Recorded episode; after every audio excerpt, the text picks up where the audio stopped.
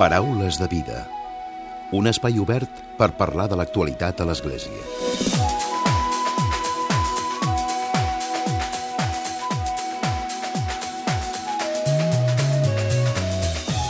Què tal? Salutacions i molt bon dia, molt bon diumenge. Avui al Paraules de Vida ens torna a acompanyar el pediatre Iñaki Alegria.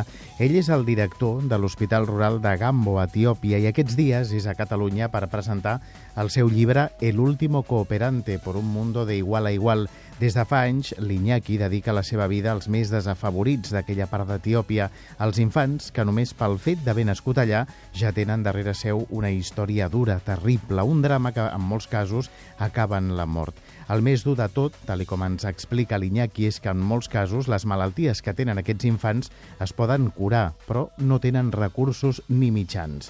El seu llibre, la seva història, ens interpel·la per tal que reflexionem després de descobrir el dia a dia a l'Hospital Rural de Gambo i les històries que ens explica l'Iñaki.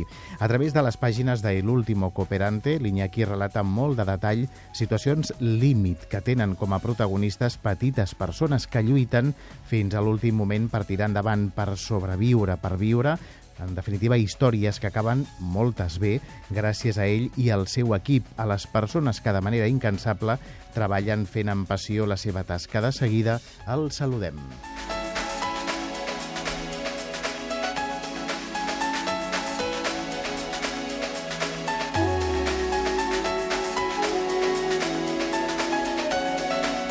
I, com sempre, a la recta final del Paraules arribarà un nou comentari de l'actualitat de Francesc Romeu. Comencem.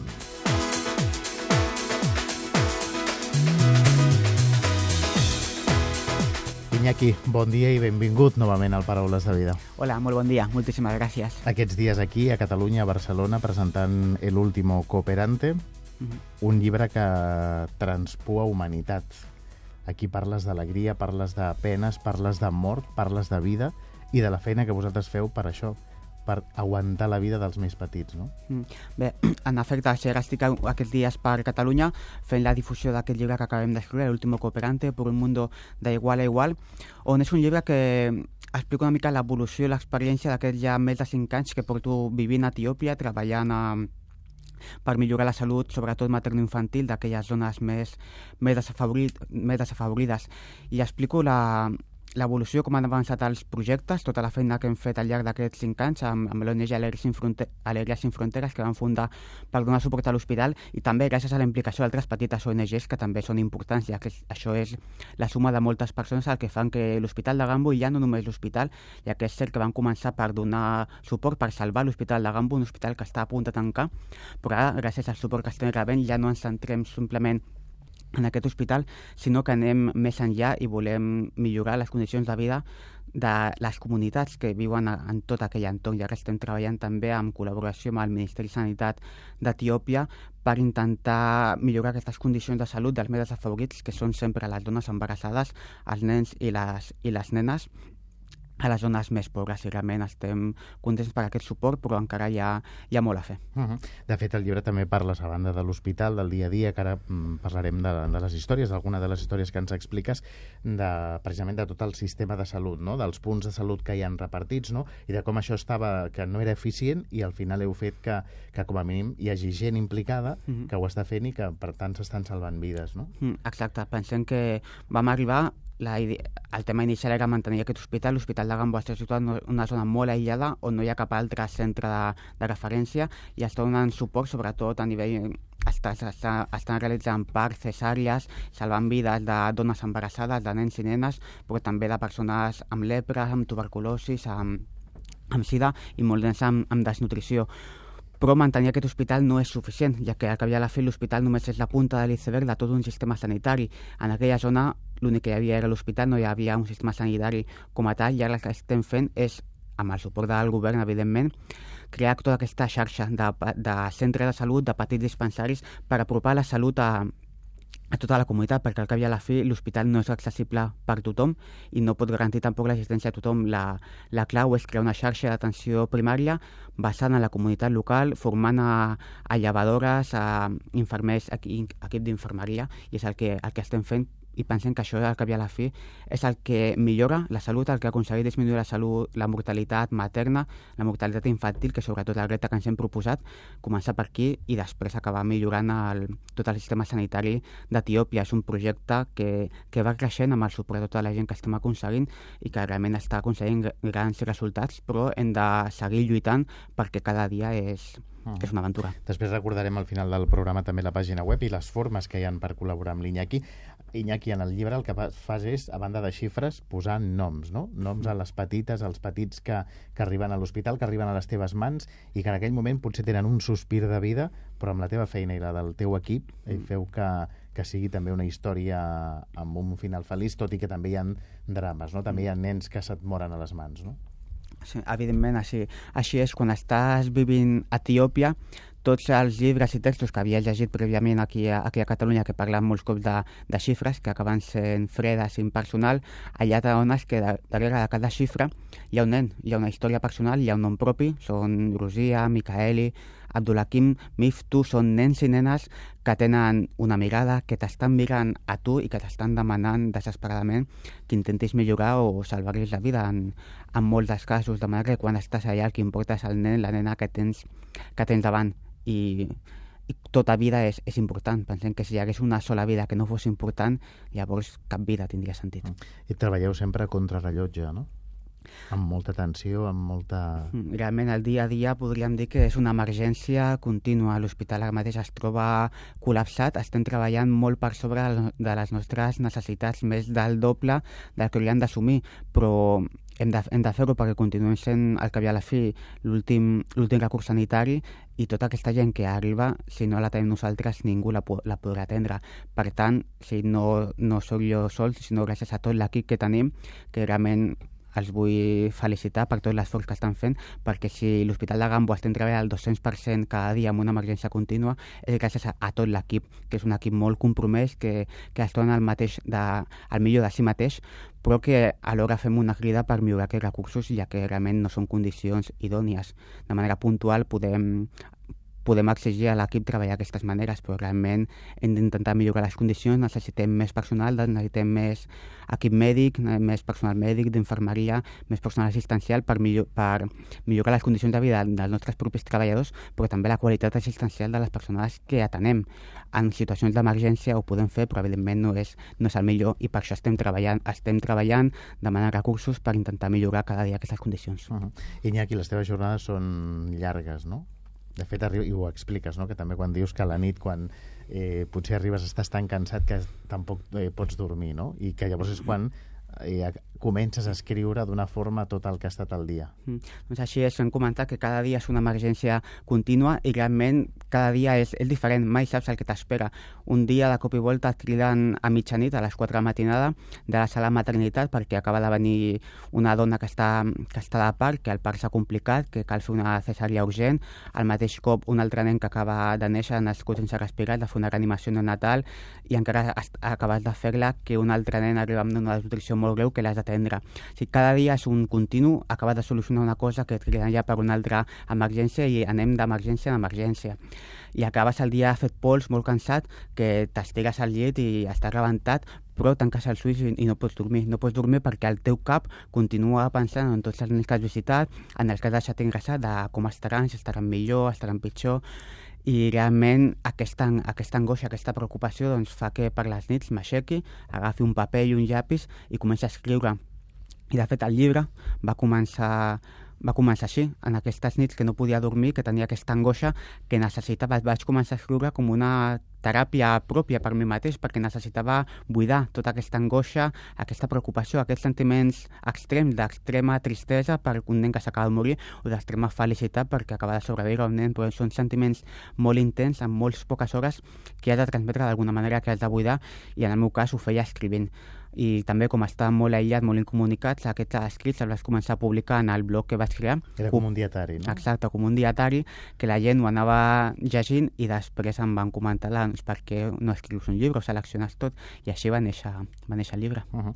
Dues eh, paraules clau que tu parles i que reflexiones molt en tot el llibre, des que comences fins que s'acaba, que és el tema de la desnutrició que pateixen aquests nens, les situacions límits que, que tenen, i també parles molt clarament de la fam, de que si al món hi ha fam és perquè hi ha gent que li interessa, però no perquè sigui una cosa que, que no es pot arribar. No? O sigui, que no es pot erradicar la fam, sí que es pot erradicar, però hi ha sectors als quals no els interessa. Mm. Doncs, evidentment, un, un cop estàs vivint a Etiòpia, les coses que més van impactar, a més de de la mortalitat materna de dones joves de 14 a 15 anys que es moren al moment del part o de nens que acaben de néixer i ja es moren els primers segons de vida, que per això ara estem desenvolupant tot aquest programa de salut materno-infantil. L'altre aspecte és la desnutrició. O sigui, realment és molt, és molt dur, és molt impactant veure arribar nens realment esquelètics, amb els ulls enfonsats o pràcticament que se li transparenten tots els ossos del cos, realment molt greus que s'estan morint literalment de gana, que tot això és per no, per no poder menjar. I això ho veus, i quan aquest nen està davant teu i estàs veient les conseqüències, després l'ingresses, el tractes i veus que millora, perquè senzillament era que no tenia suficient menjar, això realment et fa plantejar moltes coses, a més de sentiments de ràbia i impotència contra les injustícies del món, ja que, que es morin aquests nens o sigui, són els més dèbils vulnerables que estan patint les conseqüències de tot el nostre sistema. I et planteges, ja no només fem aquesta assistència de salvar aquestes vides, d'alimentar aquests nens, sinó que volem, volem més enllà i et preguntes per què, per què hi ha fam en, en el món. I parles d'egoisme directament, no? Mm. I estant a Etiòpia te n'adones que hi ha fam per, per què interessa. Però és una fam provocada, consentida, podem dir que a Etiòpia hi ha molta població, que està augmentant moltíssima població, és cert, però també hem de dir que actualment en el món podem tenir menjar per alimentar dues vegades tota la població mundial, de manera que si no arriba aquest menjar és perquè, és perquè no interessa. I també veus que famílies que, que dediquen tota la seva vida, o sigui, el dia, tot el dia, a buscar aliment, són famílies que no tenen la necessitat més bàsica, com és el menjar coberta. Per tant, la màxima preocupació és buscar aquest menjar i no anar a l'escola o no defensar, defensar els seus drets que, que ni els coneixen. De manera que, que veus que un poble analfabet interessa perquè és fàcil de mantenir, perquè és un poble que no, no revoluciona, no, no defensa els seus drets i la millor manera de mantenir-lo analfabet és amb la fam. Uh -huh. Per això veus que és provocada tu parles no, de que els nens no tenen, tenen dret a viure, no a sobreviure. Mm, exacte, no ens podem conformar en que no es morin i visquin de qualsevol manera, o no ens podem conformar que sobrevisquin. Volem que visquin, perquè aquella la fi són nens i nenes que tenen els mateixos drets, la mateixa dignitat, són persones, som al cap i a la fi doncs, germans, germans nostres, i per tant volem aspirar al màxim i l'excel·lència que molts cops exigim, i penso que s'ha d'exigir en el nostre context també la volem exigir a Etiòpia. Uh -huh. parles, molt, parles molt també del tema de l'amor, no? De, de com quan es fan les coses amb passió i amb amor tot, tot canvia, no? Tot mm. pot ser d'una altra manera. Mm. Penso això, que fem el que fem, i ja no només en aquest cas parlant, parlant d'Etiòpia, però que també que totes les persones hem de fer la nostra feina amb, amb passió, amb, amb amor, amb, amb entrega i al cap i a la fi amb, amb entusiasme. I m'agrada aquesta paraula d'entusiasme, no? que, que, que vol dir de tenir Déu dins, dins teu.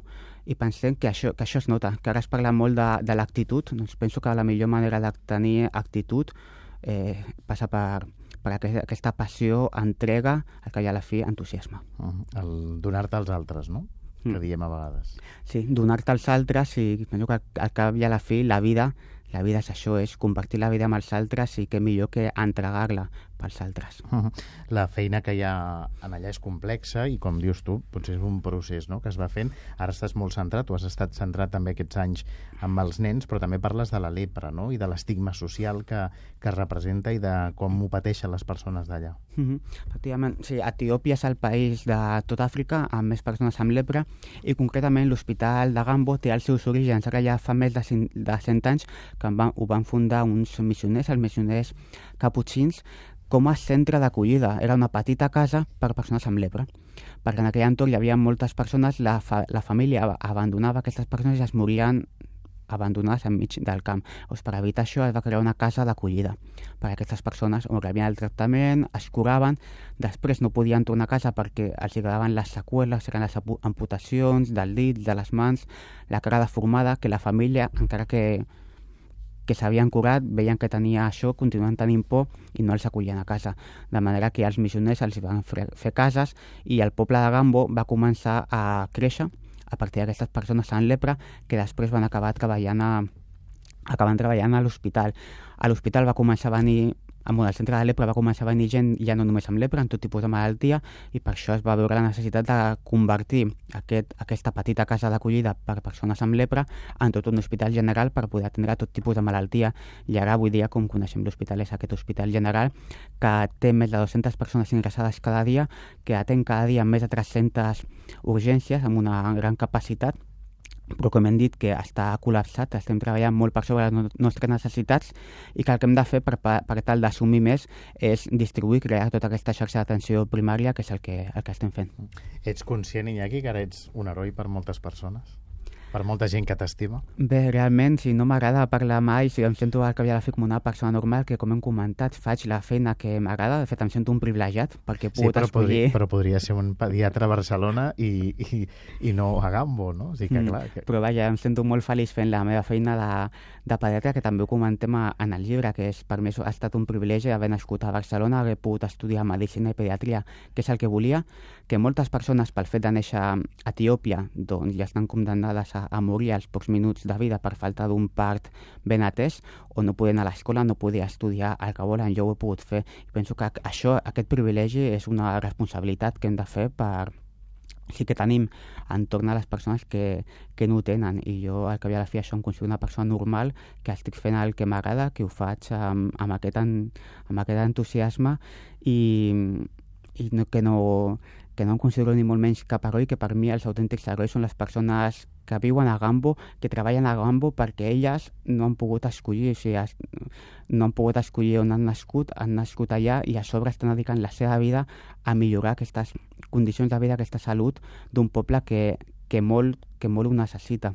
Uh -huh per mi ells són els autèntics, els autèntics herois i per mi és un plaer treballar amb ells. I avui tenim encara dos minuts, però avui per la gent que ens estigui escoltant i que vulgui col·laborar amb tu o vulgui rebre informació, que segurament ja ho saben, però què és el que han de fer? Mm. Bé, doncs els convidaria a entrar a la pàgina web de la ONG, alegriasinfronteres.org, o també al meu blog personal de cooperació amb alegria, on trobarem tota la, tota la informació de, de col·laborar, que realment us garantim que el 100% arriba a l'Hospital de Gambo a millorar la salut materno-infantil d'aquests nens i nenes que, que més ho necessita, que nosaltres tots som, tots som voluntaris, ho fem amb voluntat des del cor, perquè volem que el 100% arribi on més fa falta. Uh -huh. Aquest és el missatge que avui ens deixa l'Iñaki. Suposo, Iñaki, que un cop eh, arriben els nens eh, i surten després amb un somriure, no sé si després teniu contacte, manteniu contacte allà en el dia a dia. Mm. Sí, Bé, no? realment, això deu molt com els nens exacte recuperen, com un nen ha entrat pràcticament mig mort i després el veus que camina i juga i corre, això és com, com un miracle i fa que tot valgui la pena. Uh -huh. Doncs avui des d'aquí, des del Paraules de Vida, també us recomanem aquest llibre, El último cooperante por un mundo de igual a igual, de l'Iñaki Alegria. Ell explica amb molt de detall doncs, com és el seu dia a dia allà, des de fa ja 5 anys, no? Més de 5 anys, Iñaki. Uh -huh.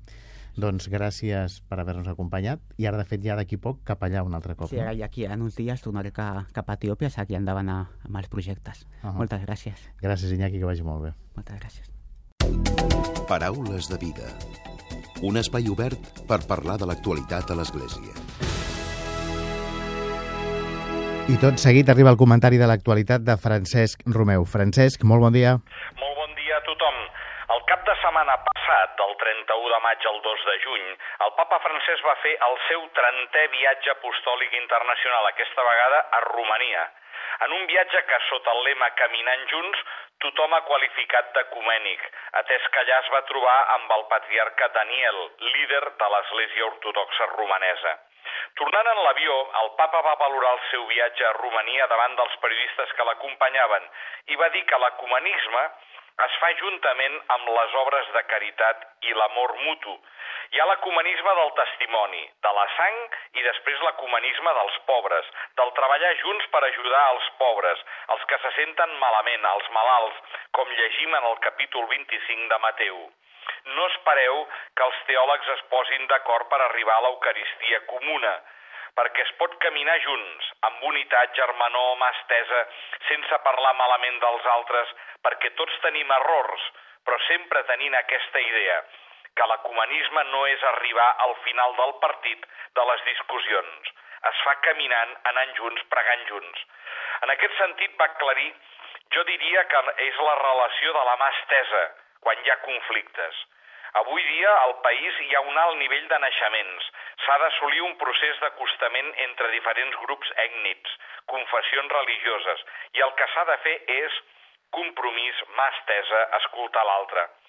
El papa va recordar que en la història tenim l'ecumenisme de sang, perquè quan van matar els cristians no els hi van preguntar ets catòlic, ets ortodox, ets luterà, sinó que els van preguntar ets cristià i els van matar.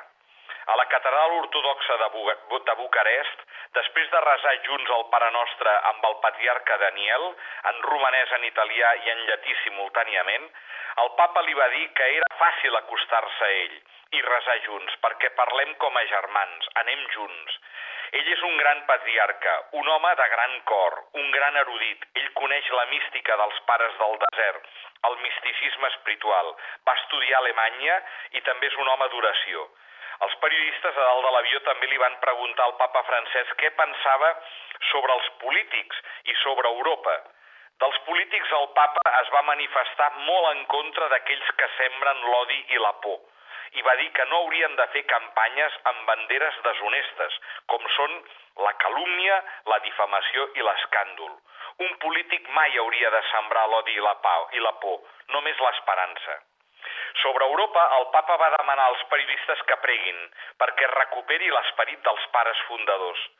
Sento que Europa ha envellit, ha perdut la il·lusió de treballar junts, però té la necessitat de ser ella mateixa, de ser la pròpia identitat de, per tal de superar les divisions i les fronteres. De totes les imatges del viatge del papa Francesc a Romania, em quedo amb la trobada amb la comunitat gitana on el papa es va commoure davant la trobada amb la comunitat rom i va confessar un pes que portava en el seu cor. Va dir, és el pes de la discriminació, la segregació i el maltractament que pateixen les seves comunitats. La història ens diu que fins i tot els cristians, fins i tot els catòlics, no són aliens a aquest mal. En aquest sentit, el papa va demanar perdó a la comunitat en nom de l'Església, al Senyor i a vostès, d'haver-los discriminat, maltractat o mirat malament en el curs de la història, amb la mirada de Caín, amb comptes de la d'Abel, i no haver estat capaços de reconèixer-los, apreciar-los i defensar-los en la seva peculiaritat. Per això, Francesc va subratllar quantes vegades jutgem imprudentment, amb paraules que fareixen, amb actituds que sembren odi i creen distància. I va dir, quan algú es queda enrere, la família humana no camina, no som cristians fins, a, fins al final, ni som humans, si no sabem veure la persona abans que les seves accions, abans dels nostres judicis i prejudicis. Després va recordar com en la història de la humanitat sempre són presents Abel i Caín. Està la mà estesa i la mà colpejada. Està l'obertura de la reunió i el tancament de l'enfrontament. Està l'acollida i el descart N'hi ha que veuen un, en l'altre un germà, n'hi ha que veuen un obstacle en el seu camí. Hi ha la civilització de l'amor i hi ha la civilització de l'odi, va descriure. I per això els hi va oferir que a l'Església de Cris hi ha lloc per tothom. L'Església és un lloc de trobada i hem de recordar aquestes paraules no com un vell eslògan, sinó com a part de la identitat del nostre ser cristians. Molt bon diumenge a tothom!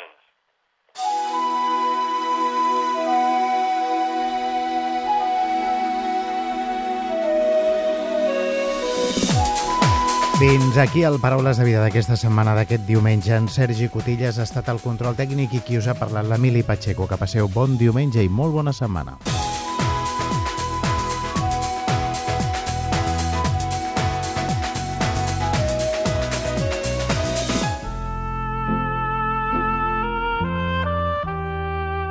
Us oferim la carta dominical de l'arcabisbe de Barcelona, Joan Josep Omella.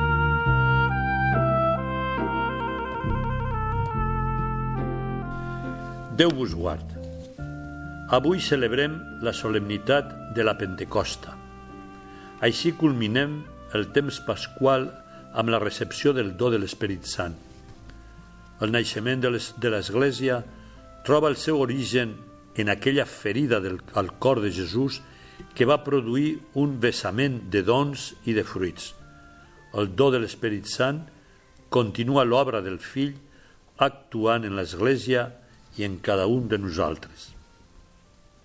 Jesús va prometre als seus deixebles que els lliuraria l'Esperit Sant.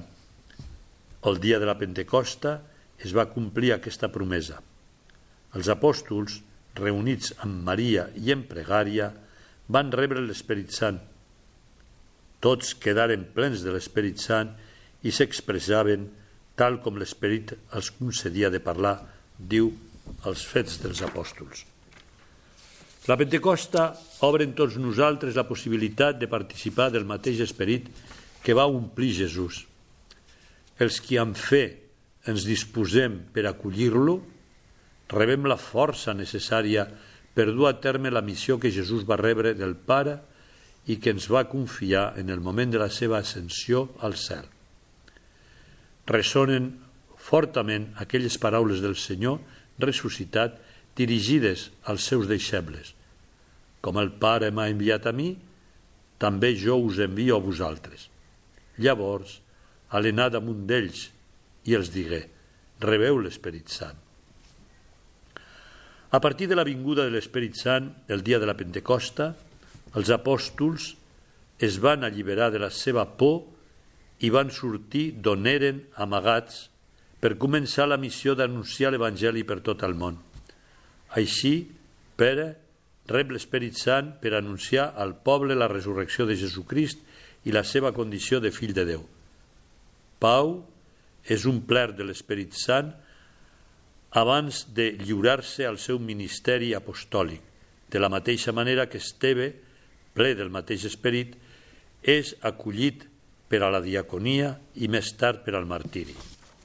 El mateix esperit que fa parlar Pere, Pau i els dotze, inspirant-los les paraules que han de pronunciar, descendeix també damunt els qui escolten la paraula de Déu en l'Església naixent i de sempre.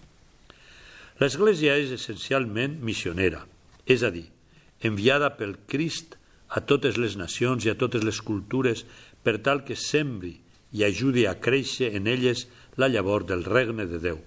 Per això, cal que la nostra torni a ser una església en sortida, no és pas casualitat que la diada de l'acció catòlica i de l'apostolat seglà coincideixi amb la Pentecosta. El lema de la jornada d'enguany és Som missió.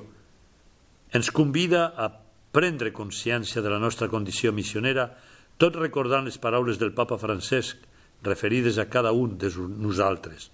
Diu així, jo sóc una missió en aquesta terra i per això sóc en aquest món.